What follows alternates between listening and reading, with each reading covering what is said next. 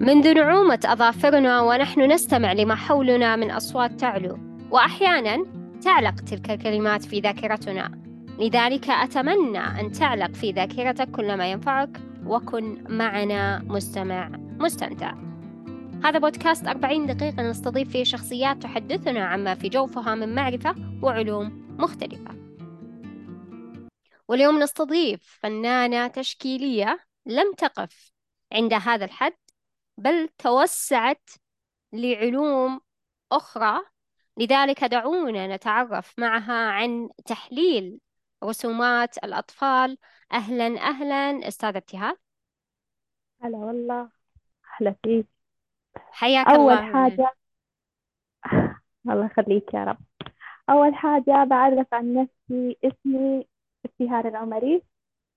شغوفة وكنت أحب الرسم من يوم ما أنا طفلة. كانت أسرتي طبعا أشد الداعمين لي وما وقفت على كذا كملت آه، بكالوريوس نفس يعني شغفي والأشياء اللي أنا أحبها.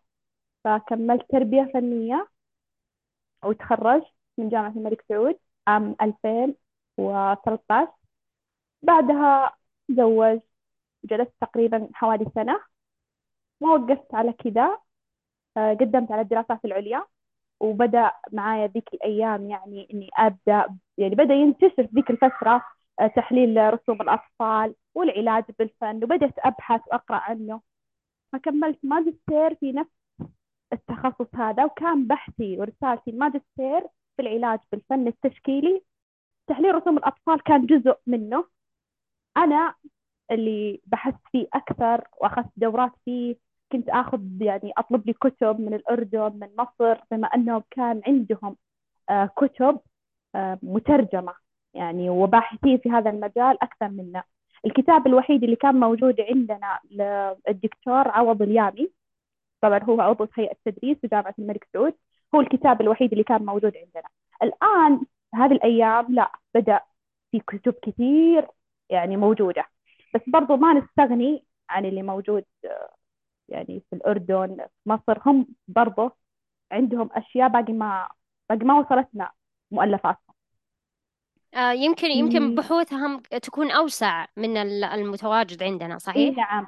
وغير كذا مراكزهم آه، يطبق فيها العلاج بالفن التشكيلي هنا الآن يعني قلة تلقين يعني يطبق العلاج بالفن التشكيلي أنا ما أقدر أكون يعني أفتح لي مركز مثلا أنا جزء من فريق لازم يكون معي أخصائي لازم يكون معي دكتور. خصوصا أن العلاج بالفن التشكيلي يعني ما يقتصر على الأشخاص العاديين لا ممكن يكون حتى في مراكز الفئات الخاصة. يعني مو يعني مو شرط مو شرط إنه مركز نفسي أو آه، لناس طبيعيين لا ممكن يكون لفئات خاصة إحنا نأهلهم. بس حبيت أشكر كمان في ناس كثيرين كانوا آه، يعني آه، كنت لما أرجع لهم لما أستفسر يعطوني كتب يعطوني مراجع منهم الأستاذ مجاهد عبد المنعم كان يعطيني دائما يعني كتب آه، مراجع. كنت أرجع له يعني إذا صعبت علي مثلا دلالة آه، أبحث فيها. عنده عده دورات في تحليل رسوم الأطفال تحليل رسوم المراهقين. وبس. أتمنى إني ما طولت مرة عليك. لا لا بالعكس. أنا مستمتعة. يعني أنا أعرف كل هذه الم- المعلومات بالنسبة لي شيء جديد. يعني لأنه دائما حنا نسمع إنه الفن التشكيلي يتم التعامل آه، خصوصا مع العلاج النفسي تقريبا صحيح؟ لكن أنت إيه ذكرتي الآن إنه يعني حتى مراكز آه، التأهيل لذوي الإعاقة صحيح؟ اي نعم ممكن إن مثلا للفئات الخاصة مثل متلازمة داون يكون عندهم العضلة في اليد نفسها ضعيفة فأنا كيف أقوي عندهم هذه العضلة فأصير أعطيهم يحبون الاعمال اليدوية القص آه، اللصق هذه الأشياء مرة مبدعين فيها. مثلا آه، آه، عندنا اللي فاقدين البصر. آه، مثلا أنا الحين يعني يبغى يتعلم يرسم فرضا. في ألوان الآن مخصصة لهم يكون لكل لون رائحة معينة. يصير يعرف اللون آه، وأصير أقوي عنده حاسة الشم آه، حاسة اللمس مثلا أبغى أقويها عنده فيصير أخليه يشتغل بالخزف اللي هو الطين. في ناس مرة مبدعين في هذا المجال وهم ما يشوفون أصلا. في في أشياء كثيرة مجاله مرة واسع حتى في تحليل رسوم الأطفال. يعني يعني مهما تكلمت ومهما قلت أنا ما أغطي شيء يعني شيء لا يذكر من اللي راح أقوله ولا تكفيني. لا يعني 40 دقيقة ولا ساعة. لازم أعطي مراجع لازم الشخص يبحث لازم عرفتي يعني يقرأ أكثر عشان يوصل للشيء اللي يطمح له أو يتمناه إحنا نبي نبي نتعرف على شيء يعني تقريبا ما نبي نقول حنا الظاهر ولا هو متعمق لكن من خبرتك الشخصية عبر يعني دراستك وكذلك عبر استمرارك في في هذا الموضوع اللي هو تحليل رسومات الأطفال. لكن حنا في البداية حابين نعرف ما هو العلاج بالفن التشكيلي؟ طبعا العلاج بالفن التشكيلي هو يعني إسقاط مشاعر داخلية يعني بطريقة غير مباشرة حرة ما أضغط على الشخص أبد. عشان إيش؟ يخرج ما بداخله من عقد مشاكل أحلام. أستخدم معاه عدة طرق وفي جلسات يعني كثيرة أنا أستخدمها مع الشخص. في البداية في جلسة تعارف في جلسة بعدها. كل جلسة يعني لين أخليه يسترخي. مثلا أقول له آه إيش الأحلام اللي أنت يعني زعجتك؟ أنت تبغى توصل لإيه؟ أعطيه المرة الأولى أقلام فلوماستر مرة أقلام شمعية. كل ما رسم لي أكثر كل أنا ما عرفت وش اللي بداخله. فبعدها أنا أبدأ معاه خطة علاجية. في في أتذكر حالة قرأت عنها في كتاب الدكتور عوض اليامي. كان عندها اكتئاب وكانت الاكتئاب حقها اللي خلاها تنقطع عن الدراسة كله عشان إنها سمينة. فبدأ يعالجها. جلسة جلستين ثلاثة إلين صارت أول شيء صارت ترسم وتقول أنا أرى نفسي كذا أنا أشوف نفسي كذا. بدأ معها خطة علاجية ما يعني ما خلص. 15 جلسة إلا البنت رجعت لدراستها رجعت بالطريقة يعني رجعت إنسانة طبيعية واستمرت بالعلاج. هو هو زي العلاج النفسي بس إنه في أشخاص ما يعرفون يتكلمون. يعني صعب علي الكلام إني أقول وش اللي بداخلي. بس الرسم يطلع كل شيء. يعني ممكن موقف أثر فيك في طفولتك خلاك خايف من شيء معين أو أنت يعني فيك شيء ما تدري وش أنت يعني عرفتي لي ما ما طرالي الموقف أو ما تذكرته. فلما أسقطه على ورقة ويجي أحد يحلله يقول إيه صح أثر فيني خصوصا السبع سنوات الأولى من حياة الطفل. الآن في أشخاص كبار ترجعين لطفولتهم طفولتهم هي المشكلة. صحيح مو المشكلة صحيح. الآن. إيه ارجع للطفولة. مخاوفك أفكارك كلها ارجع لطفولتك هنا هنا المشكلة. كلام أهل كلام أم كلام أب أغلبهم هذا اللي يأثر فيهم ويستمر معاهم حتى وهم كبار. كله برسمة واحدة يعني نقدر نطلعها. أنا ما أقول لك في بعضهم يقولون تحليل رسوم الأطفال إنه تنبؤ بالمستقبل وإنه حرام. أنا ما أتنبأ لك بمستقبلك نهائيا هذا علم. أنا أعلمك حدث صار في الماضي أثر فيك أنت أسقطتيه على الورقة. وهو قدامي أصلا. أنا أقول لك هذا معناه كذا. بس ممكن أحيانا حتى لما أحلل أقول يمكن كذا ويمكن كذا ويمكن كذا. أنا ماني عايشة معك في البيت. أنا أقول لك احتمالات هي واحدة منها. تحليلها يكون كذا ولا كذا ولا كذا. هي واحدة منها. وأنت أعرف. صحيح. لأنه مثل ما قلتي مثل ما قلتي الرسمة آه، تخرج ما في آه، داخل الإنسان.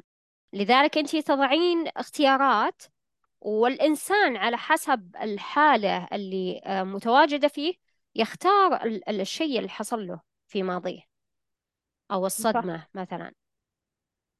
إيه خلاص. إيه أنا إذا عرفت السبب لازم يكون معايا أحد أو شخص يعني أنا خلاص عرفت السبب أنا كمحللة. أنا بس أنا أعرف أحلل.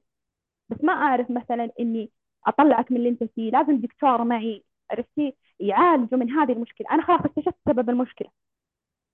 خلاص الباقي على دكتور مثلا. نفسي آه حلو. لكن يعني آه تواجدك مهم مع الدكتور النفسي أو الدكتورة النفسية. أيوه أحيانا أو أخصائية تربوية مثلا. أنا أطلع مشكلة في طفل معين أو عنده يواجه شيء معين لازم معايا أخصائية مثلا تربوية تبدأ تعطي نصائح للأم إنه لا تسوين كذا. والأفضل لأن أنا ما عندي أنا مجالي يعني ما أقدر أنصحك كأم ولا أقدر أفيدك بهذه المشكلة. لكن أنا أقول لك مثلا المشكلة بس ما أعطيك حلها لأني أنا ما عندي خبرة. لازم أخصائي تربوي أخصائي نفسي هو يبدأ يعطي حلول. حلو. الحين حنا عرفنا العلاج أو مسمى العلاج بالفن التشكيلي لكن حنا نعرف كل مجال يمكن تقريبا أنواع آه، عديدة. فما هي أنواع آه، العلاج بالفن التشكيلي؟ عرفينا عليها. شوفي نقدر نقول مجالات مثلا العلاج بالفن التشكيلي زي ما قلتها أول ممكن إنه يكون أعالجه بالرسم ممكن. أعالجه بالنحت ممكن أعالجه آه، بالنسيج آه، بكل أنواع الفنون في بعضها بالموسيقى في بعضهم عند الغرب برضه منتشرة إنه العلاج مثلا بالموسيقى علاج بالموسيقى فكل أنواع. إيه في بعضهم نفس العلاج بالرسم.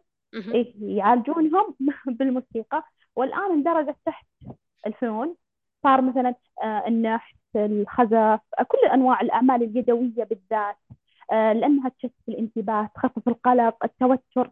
يعني الحين لما تشوفين شخص قلقان ومتوتر وكذا تلقينا يسوي أي حركة إرادية ممكن بيده ممكن يكتب ممكن يرسم عشان إيش؟ يخفف التوتر. في ناس كثير يعني شفتهم مثلا يقول لك يكون معصب طفشان بس أعطيه ورقة وقلم. ممكن ما يكتب شيء. ممكن بس كذا بالقلم يشخص أو يشخبط أو أي شيء. أو الأطفال. الأطفال أعطيهم هو زعلان ورقة وقلم. قل له ارسم. يهدأ. بعدها ليه؟ لأنه طلع كل اللي بداخله في ذيك. فإحنا يعني أصلا حتى في التحليل مثلا ناخذ اللحظة اللي رسم فيها الطفل. إذا هو حزين رسمته ما أرجع أقول هو حياته كلها حزينة لا. اللحظة اللي رسم فيها كان زعلان. كان يبكي كان متخاصم مع أمه. أنا يهمني اللحظة ما يهمني حياته كلها يعني أسقطها على الحياة كاملة لا. هي بس في اللحظة هذه. بس طيب. هذه هذه مهم. المجالات. طيب من ناحية ال- آه، الموسيقى آه، شلون الواحد يعني آه، يعالج بالموسيقى؟ يعني مثلا زي ما قلتي انت بعض أنواع الفنون الأخرى مثلا عندك الورق والقلم والرسم والنحت. إنه قاعد يفرغ المشاعر المتواجدة داخله. طيب الموسيقى لازم إنه يتعلم بعدين ولا كذا يعزف من دون تعلم؟ والله شوفي هذا المجال أنا ما أعرف عنه صراحة بس قد سمعت أكثر من مرة مهم. إنه في علاج عندهم بالموسيقى فما أعرف الطريقة بالضبط. أنا أعرف في مجالي يعني بس أسمع في بعضهم حتى في جلسات العلاج بالفن يشغلون موسيقى عشان الواحد يعني يسترخي عشان يبدأ أها. يرسم وعرفتي بس إنه شيء هادي بسيط هذا بس في بعضهم لا يستخدمها كعلاج أو كوسيلة مهم. حلو أنا يعني حبيت بس أعرف إذا أنت قارئة عن هذا الشيء يعني تعطينا من خلفيتك أو تعلميننا لكن طيب الحين في أنواع كثيرة آه، العلاج آه، بالفن التشكيلي في آه، في قلتي أنت الرسم النحت النسيج الموسيقى. ليش اخترتي تحليل الرسومات من بين كل أنواع الفن التشكيلي؟ شوفي والله ما أدري صراحة بس أنا أحب هذا المجال. يعني من يوم سمعت عنه فكنت أنا أبحث فيه. وأخذت مادة في البكالوريوس كانت تحليل رسوم الأطفال. فمن بعدها بعد ما أخذت هذه المادة وكانت مع أستاذة يعني مرة مرة متمكنة فخلاص من بعدها صرت أقرأ صرت أبحث صرت بديت أحلل رسومات أطفال وأبحث عنها. خلاص من هذيك الأيام من البكالوريوس وأنا بديت أحلل. فصرت أطلب لي كتب صرت أخذ دورات. يعني هذا اللي يعني هذه بدايتي. بعدها خلاص صرت يعني أحاول إني أنا أبحث. طلبت لي كم كتاب وصرت أقرأ فيه. وأكثر شيء فادني وأعطاني خبرة إني كنت أحلل رسومات. كثير كانت تجيني يعني مثلا وفني على الخاص وكذا وأخذت منها خبرة. الشيء الجديد اللي أشوفه كنت أروح أنا أبحث عنه. أنا أروح أدوره في الكتب أنا أرجع عرفتي أبحث آه، عنه أسأل عنه. إلين صرت أكتب دلالة في كل شيء يواجهني. إذا طلع صحيح وبس. يعني تقريبا لي يمكن والله والله لي فترة طويلة. يعني أخاف إني أقول يو من زمان. تقولين يا الله هذه كم لها خريجة. بس لا آه، لا بس حلو. حلو إنك يعني آه تدخلين بموضوع جديد يعني مختلف آه انت درستيه في الماجستير يعني زي ما قلتي آه إنه مختلف تماما عن عن الرسم لكنه يعني مرتبط بشكل آه، غير مباشر ب آه، يعني الرسم أو الفن يعني. فشيء ما شاء الله يعني جدا جميل بالنسبة لك. يعني زي ما يقولون أحيانا لما يكون ال- الشخص داخل في فن معين سواء كان رسم أو نحت أو أشياء أو مثلا يعني عندك مسميات الفنون الجديدة مثلا عندك التصميم يكون الواحد آه، تجيه فترة تسمى آه، قفلة إبداعية. لكن لما الواحد يكون يتعلم علم ثم يتدرج العلم آخر ويعني يدخل في علم ثاني فأعتقد أنه يعني حتى لو جته قفلة إبداعية من ناحية الرسم يعني يكون يقرأ في ال- المجال الآخر أو يطلع يعني ما ما ما يكون فقط ما يسوي شيء إنما ينشغل من آه، مجال معين إلى مجال آخر.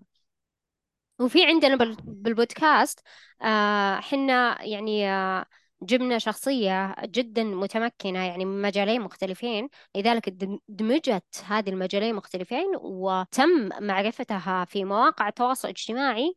بأنها تحمل مجالين مجال التسويق ومجال كذلك التصميم خصوصا الاختصاص آه، بالعلامات التجارية. فهذا شيء يعني جدا جميل إنك تحملين مجالين بنفس الوقت يكونون مرتبطات بشكل غير مباشر ببعض أو انتي آه، كشخص تربطينهم في بعض بحيث إنك تستفيدين من المجال الأول وكذلك تستفيدين من المجال الثاني.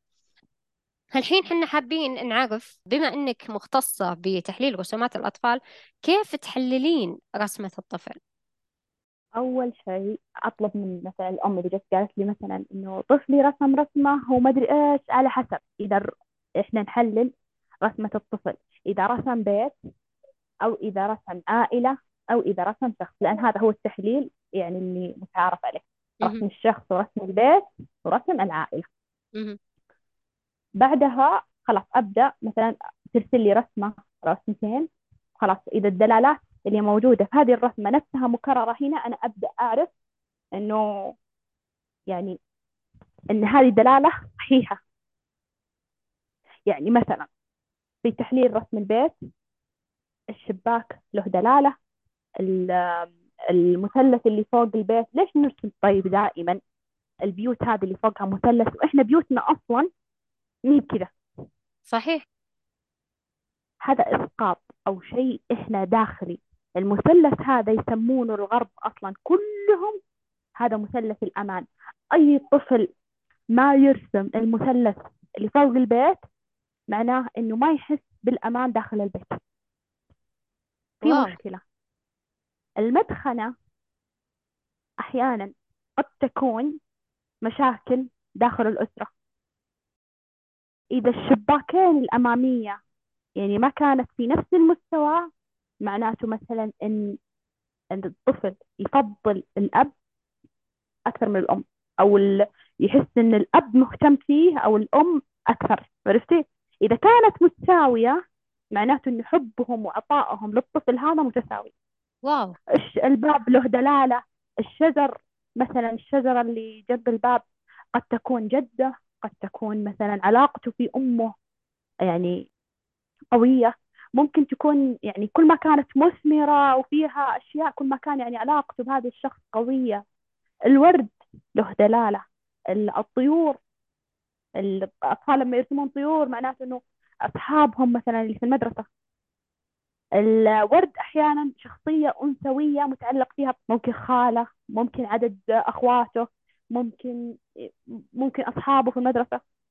لأنه الورد لا. دائما النساء يعني وردات لا الرجل أو الأب الأب الأب الشمس واو. الأب الشمس يعني إذا كان أصفر أحيانا أو برتقالي على حسب اللون آه، يفرق. مثلا إذا كانت أشعة الشمس كثيرة ممكن عطاء الأب مرة كثير. يعني يعطي ويحب وموجود. كل ما كبرت الشمس معناته إنه موجود. إذا كانت الشمس نصف مثلا في الدائرة هو موجود بس أنا ما أحس فيه. واو. ممكن طيب أي إذا هذا كانت هذا في يعني على الطرف طيب إذا كانت على الطرف اليمين أو الطرف اليسار وش الدلالات؟ يعني على حسب أحيانا ممكن يحل الماضي إذا في اليمين. واو. أي إذا كانت رسمته أصلا جهة اليمين معناته يحن للماضي.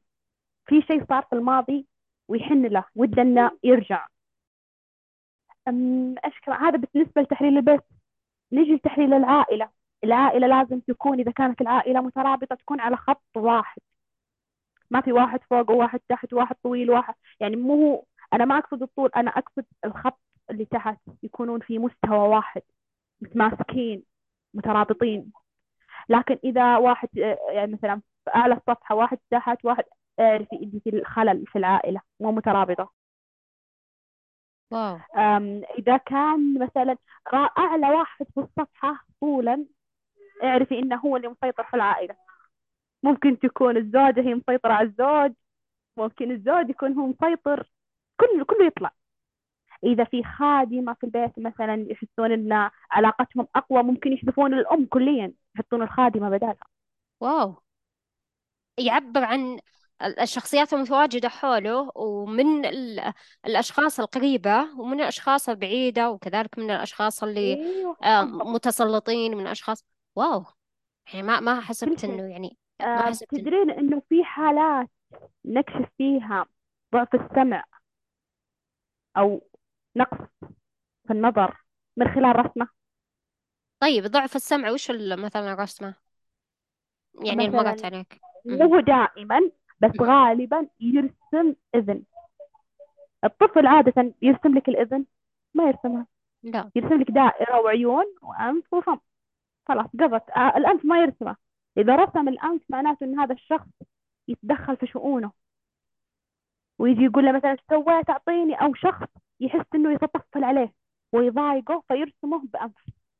إذا رسم الإذن أحيانا يكون يا ضعف في السمع مثلا إذا رسم نفسه معناته معناها غير. إذا رسم أمه أو أبوه بإذن هنا تفرق. هنا مثلا أنا أبغى أمي وأبوي يسمعوني هم هم سامعيني. إذا رسمت نفسي أحيانا أقول الأفضل تطمني عليه وافحصي السمع إذا تكررت مرة مرتين ثلاثة أربعة أنا أبدأ أشوف والله كم مرة؟ أبدأ أصير أسأل الأم أنت لما تكلمينه يسمعك؟ على حسب. أحيانا يكون لا إذني تعورني فأنا ما أعرف أعبر عن الألم فأجي أرسمه. طيب. ضعف ضعف البصر آه يعني إذا صار بدأ في نقص في النظر مثلا يا إنه يرسم لي مثلا آم، عين واحدة. هذا أخطر شيء يعني إذا شفتوه مثلا في أي رسمة اعرفي إنه هو يحسب الناس يشوفون كلهم بعين واحدة أقوى من الثانية طبعا يحسب الناس كلهم عندهم واحدة يشوفون فيها مثلا كويس. فهذه يسمونها في تحليل رسوم الأطفال عين بيكاسو إذا شفتيها في الرسوم فأعرفي إنه لازم أقيس نظره. عنده. مشكلة. واو. وأحيانا لا. أحيانا لا. مثلا يكون في رسمه مثلا متجه على جهة اليمين أكثر.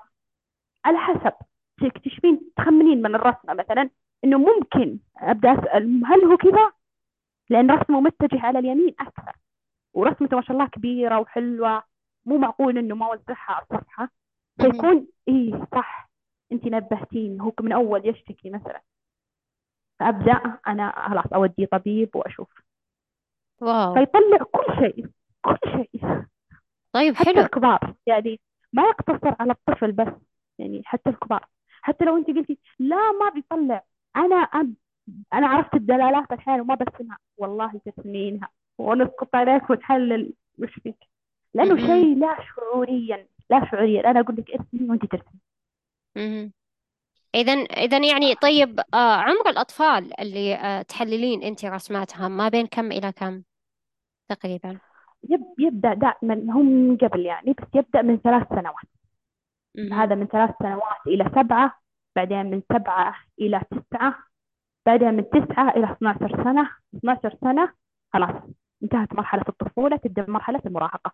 المراهقين من 12 فما فوق ال 18 سنة أو 22 سنة آه، لهم تحليل خاص فيهم مختلف تماما لأن رسوماتهم تبدأ تطلع من الطفولة ورسم الأشخاص والبيوت إلى رسم مثلا شخصيات الأنمي ولا من القصص.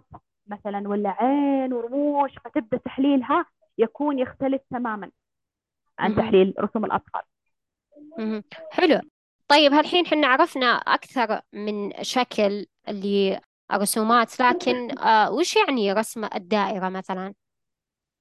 ممكن رسم الدائرة يكون خصوصا يعني أكثر الأشخاص يرسمون الدائرة. مثلا الأطفال اللي بداية سن ثلاث سنوات لأن بدت العضلات عنده مبسوط إنه يرسم دائرة بدأ يتحكم في نفسه ويتحكم في عضلات يده. فيصير يرسمها أحيانا إنه مبسوط أو أحيانا لا. إني أنا سعيد وأنا أعبر عن سعادتي بهذه الدوائر. وأحيانا يكون لا والله يعني مثلا يرسم راسه كبير مثلا ويبدأ يرسم حوله دوائر كأنها أفكاره. هذه أفكاري الكثيرة. فالدوائر تعني أشياء مرة كثيرة. أنا بنتي وهي صغيرة. كانت ترسم دوائر. ترسم دوائر مرة كثير. أنا قبل ما أعرف تحليلها بالضبط. فكانت لما ترسم الدائرة ما ترسمها كاملة تغلقها يعني للنهاية يكون فيها فتحة. الفتحة هذه في الدائرة آه، كانت جهة الأسنان. جهة أسنانها. فكانت ترسمها دائم بكثرة. كانت ما تشتكي من أسنانها صراحة. كانت ثلاثة ثلاثة وشي يعني. ما ما هو بسن تقدر تقول لك مثلا أنا وش فيني. بعدها يعني لاحظت إنه صارت تشكي بعد ما صارت مثلا حوالي أربعة بدأت تشكي من أسنانها. فيوم وديتها ما كان في شيء ظاهري صراحة. ما كان في شيء ظاهري. فيوم لها الدكتور أشعة قال عندها زي السوس ال- يعني وعد أبيض أو شيء زي كذا وعدا الأسنان كلها. ف 12 سن كان تعبان. صار لها واو كلها أعصاب. إيه صار لها الأعصاب كامل وغير لها حشوات سوى لها عملية يعني. فيوم بعدها يعني بعد ما سويت العملية وخلصت كذا بديت أرجع رسوماتها وكنت أحل هذيك الفترة. يوم قريت قريت عن دلالة إنه لما الطفل يرسم الدائرة وتكون يعني فيها فتحة أو انفصال في جزء معين يكون هذه منطقة منطقة ألم. فكانت أصلا تعبر عن رسمتها وعندي رسمات على حد الآن يعني كنت مستمرة فيها. فكانت هي تعبر عنها طول الوقت. أنا عندي هذه المنطقة منطقة ألم بس أنا ما أعرف. يعني شوفي في أشياء كثيرة ممكن ننتبه لها بدري لو عرفنا وش معناها أو عرفنا وش هي تق... وش يقصد فيها الطفل. يا كم الأطفال كلهم بالذات يرسمون في كل مكان. طيب الحين يعني ما أدري أنا تعودت من يوم أنا صغيرة نرسم جبل مثلا والنهر يكون في و... في وسط الجبل كذا. وش معنى طيب دلالات الجبل مثلا؟ أحيانا الجبل يمكن يكون الأم أو قوة علاقتك بأمك. أحيانا أحيانا النهر لا. مثلا في أشخاص يكتب لك يرسم لك النهر وهو في جزء وأهله في الجزء الثاني. إيش معناها؟ ممكن يكون في انفصال بين الأم والأب. فيشوف إنه هو بعيد عن أمه أو هو بعيد عن أهله. الماء أحيانا يعني الماء في الرسمة أو السحب أو الأمطار أو الأنهار آه، في رسومات يعني الأطفال الصغار ممكن يكون مشاكل في التبول أو عنده تبول لا إرادي من رسمة. أو يعني أحيانا في بعضهم عنده مشكلة خصوصا أول ما يبدأ يتعود على دورات المياه وإنه يدخل كذا فيصير عنده مشكلة إنه خلاص فيعبر عنها كيف؟ زي كذا. سحب أمطار أنهار بحر. خصوصا لما يكون في بيئة ما يكون فيها زي الرياض مثلا ما يكون فيها ما يشوف فيها لا بحر ولا غيره. لكن لما يكون في بيئة يعني هو موجود عند بحر فبيعبر أكيد عن الشيء اللي هو موجود فيه. طيب حلو. أول مرة أعرف عن هذه الأمور. بما أنك يعني آه، حللتي رسومات أطفال آه، وش الرسمة اللي خلتك تتفاجئين من نتيجة تحليلها؟ أم خلتني أتفاجأ إني يعني ما نسيتها من الموقف اللي صار كان صعب يعني. أو. إنه شيء عابر وأنا ما نسيته. إيش أي عادي. واحدة؟ أعطينا أي واحدة أقرب ذهنك أعطينا إياها. يلا. شوف في أشياء مرة كثير حلوة لكن لابد من مواقف تأثر. مرة مر علي طفل يعني أرسلت لي أمه. الرسمة كانت مو مخلة اللي بعدها. عمر الطفل ست سنوات. أوف. راسم الخادمة ومعاها أحد في وضع مخل جدا يعني اللي ما يفهم يفهم من رسمة. فكانت. تقول لي حلليها فيوم حللتها أصلا الأم ما تجاوبت معايا نهائيا ولا ردت الكلام. قرأت ولا ردت. فكأنها ترفض الواقع. في طفل كمان كان في الروضة أرسلت لي معلمة الروضة. أتوقع أنه يعني كان ينضرب أو شيء من أحد من أهله. فكانت تقول أصلا في آثار. ضرب فكانت رسوماته يرسم الشخص هذا كأنه وحش. في الطفل لما يرسم لك شخص يقول هذا بابا يكون مرعب أو يكون وحش يكون أسنان ويكون تعرف إن هذا الشخص عدواني هو بنظره يشوفه كذا فهو يعبر عنها. هذه أكثر موقفين أثرت فيني لدرجة إني فترة يعني تركت والله. حسيت إنه حزنت وإنه تأثرت وإنه كيف طفل يشوف هذه المناظر وليش ما تجاوبت معايا؟ جلست أرسل لها فترة بعدين قلت أنا مستحيل إني راح أكون يعني ما دام هي ما اقتنعت ما راح تتخذ يعني إجراء أو إنها تعالج هذا أو تشيله مثلا. ممكن إنها ما تكون يعني ممكن شافت رسمته في أي مكان ممكن ما تكون أمه أصلا. طيب آه معليش إذا أنا أسأل معنى الرسمة الأولى الموقف الأول هل هي خيانة مثلا؟ لا ما أتوقع. أتوقع إنها كانت يعني لأنه كاتب كلمات خادمة مدري اسمها مع أحد شخصية ثانية يمكن سواق يمكن لأنها ما كانت يعني خادمة واحدة كانوا ثنتين ثنتين يعني هي يوم قلت لها كتبت لي إنه هو يعني معاهم. ما أعرف ما أتذكر موقف بالضبط. فكانوا يعني باين إنهم ثنتين خادمتين يعني ممكن مع سواق ممكن إيه لأنه تحصل تحصل. إيه فأنا قلت ممكن إنهم كذا وممكن في بعضهم يعني زي يقول طفل ما راح إيه بس بس الطفل بس الطفل ما ينسى يكبر ويعني متواجدة هذه الذكرى في ذاكرته يعني. إيوه مستحيل وخلاص شيء أثر فيه بيجلس يعبر عنه. صحيح صحيح. أحيانا في بعضهم مثلا لا إله إلا الله يكون تعرض لتحرش فرضا ترى تشوفين الرسمة طبيعية بس في رمز معين هو سواه أنا أقدر أقول إن هذا الطفل مر بتجربة معينة. طيب هذه لها يعني أشياء ما أبغى أتكلم فيها فتصير الناس أنا طفلي رسم كذا. لا مو الكل في بعضهم لا يرسم هذا الشيء إنه عادي أنا رافض الشخص هذا أنا ما أحبه مثلا. فمو كل الرسمات إحنا نقدر نحكم فيها ولا نقدر ندخل في مجال هذا أبدا. طيب بغيت أسألك عن آه، وش مع آه، وش نوع الرسومات؟ لكن بما أنك قلتي ما أقدر أقولها ف سكت أنا ما يعني. أبغى أفتح باب يصير الأمهات شفتي؟ أوه ولدي أنا سوى لا لا خلاص. أنا أنا حتى عيالي مثلا أنا عندي بنت والصغير عمره ثلاث سنوات أربع سنوات الآن كمل. فما أحب إني إذا جاء رسم إنه أحلل رسوماتكم لا في أشياء ما أحللها. يعني خلاص أنا أعرف وش فيها. يرسمني يرسم كل اللي حوله. فأنا أعرف عرفتي فخلاص ما في شيء يخوف الحمد لله. خليه يرسمني زي ما يبغى في بعضهم لا هذا أحس إن في شيء. لا ما في شيء مو شرط في في طفلة حللناها كانت رافضة المدرسة. أمها ما تدري شو السبب. بنتي فيها مشكلة ما أعرف إيش فيها ما أعرف. يوم أرسلت لي اكتشفنا إن مو المعلمة صاحبتها مع إنها هي الأولى على فصلها هي كانت رابع أو يعني باقي توها في ابتدائي. فاكتشفنا إنه صاحبتها جالسة تتنمر عليها وخلاص صاروا كل الطالبات ما يكلمونها. أخذت موقف صارت ما تداوم في المدرسة نهائي. يوم أخذتها أمها نقلتها مدرسة ثانية رجعت البنت ما شاء الله طبيعية ومشت أمورها وزانت.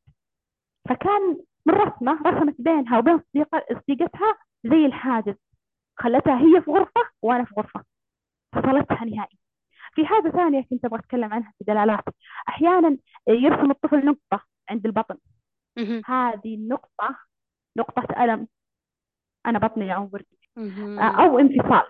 مثلا أفصل مثلا أفصل بطني عن بقية الجسم. الانفصال هذا برضه الانفصال ألم. أنا بطني يعورني. واو. إذا تكررت مرة مرتين اعرف إن الطفل بطنه يعور بس مو عارف يشكي ممكن إنه مو ذاك الألم الشديد بس هو يعاني منه. كل يوم بطني بطني يعورني. ما بيجي يشكي لك. أحيانا إلى عمر ست سنوات سبع سنوات ما يجي يتكلم. ولا يجي نهائيا. اسم الرسمة أقول له مثلا ارسم لي يرسمنا كلنا بنفس القلم يحس بأن كلنا نتألم.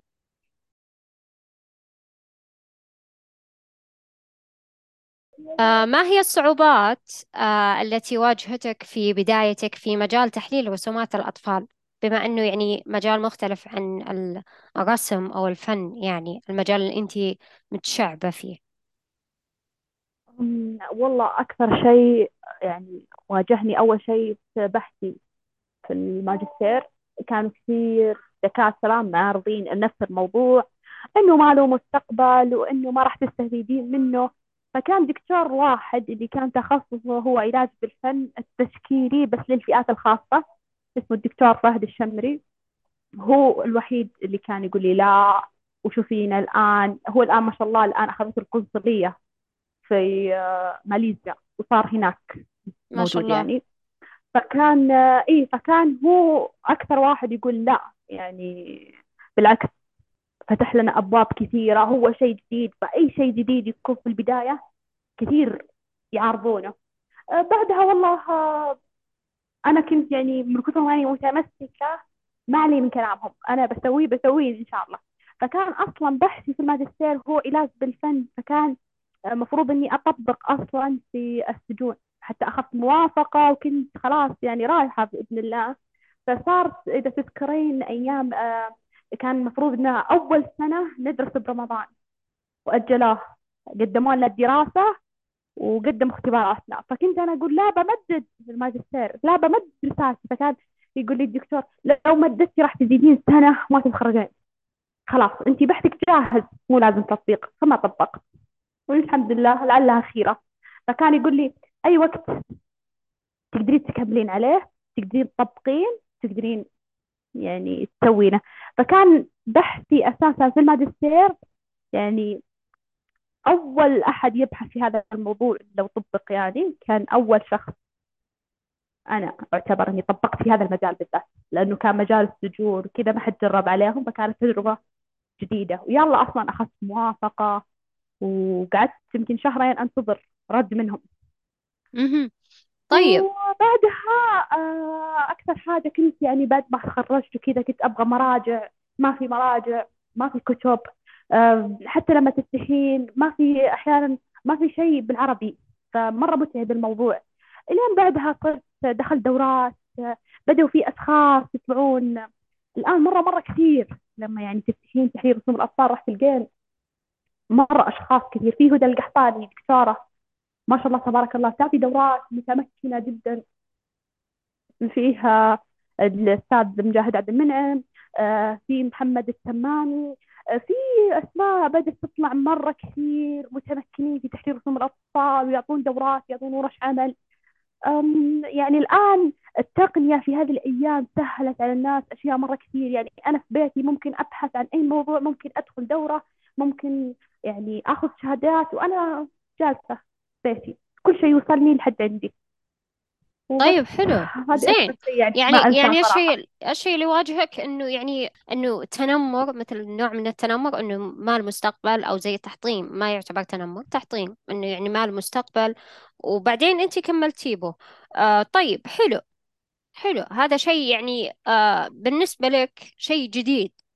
يعني ما قد آه، شفت في مواقع التواصل الاجتماعي زي ما قلتي إلا شخصيات آه، محددة يتكلمون مثل هذا الموضوع. لكن وينك في مواقع التواصل الاجتماعي خصوصا مثلا يعني التويتر عالم التويتر؟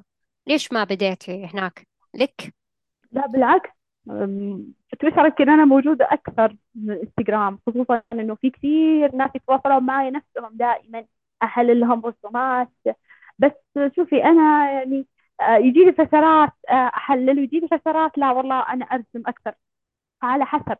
أحيانا إذا جتني حالات أرد عليهم يعني أكثر شيء خاص في بعضهم ما يبغون إني أتكلم عن رسوماتهم في العام. مثلا آه، اشتغلت مع ف- فترة يعني من الفترات مع أخصائية تربوية. فكانت ترسل لي رسومات وأنا كنت أحللها وهي كانت يعني شيء كان عمل مشترك بيني وبينها. فترة كذا وتركت. طيب حلو. كان كان يعني تجيني بشكل خرافي وكانت تعرضها وأعمال نفس أعمال التحليل هذه وشغلي موجود في حسابي في الانستغرام بالرسمة وبالتحليل وأحيانا رد الأم نفسها. يعني أنا أحط أحيانا الرسمة وتحليلي ورد الأم لها. آه طيب آه أستاذة قولي لنا آه ما هي رسالة اليوم منك إلى المستمعين؟ وتفضلي. يعني رسالتي صراحة يعني أنا أحس آه، إنه رسومات الأطفال تعطي دلالات تعطي إشارات آه، الطفل يعبر عنها عن مشاعره عن أحاسيسه آه، هو علم واسع جميل.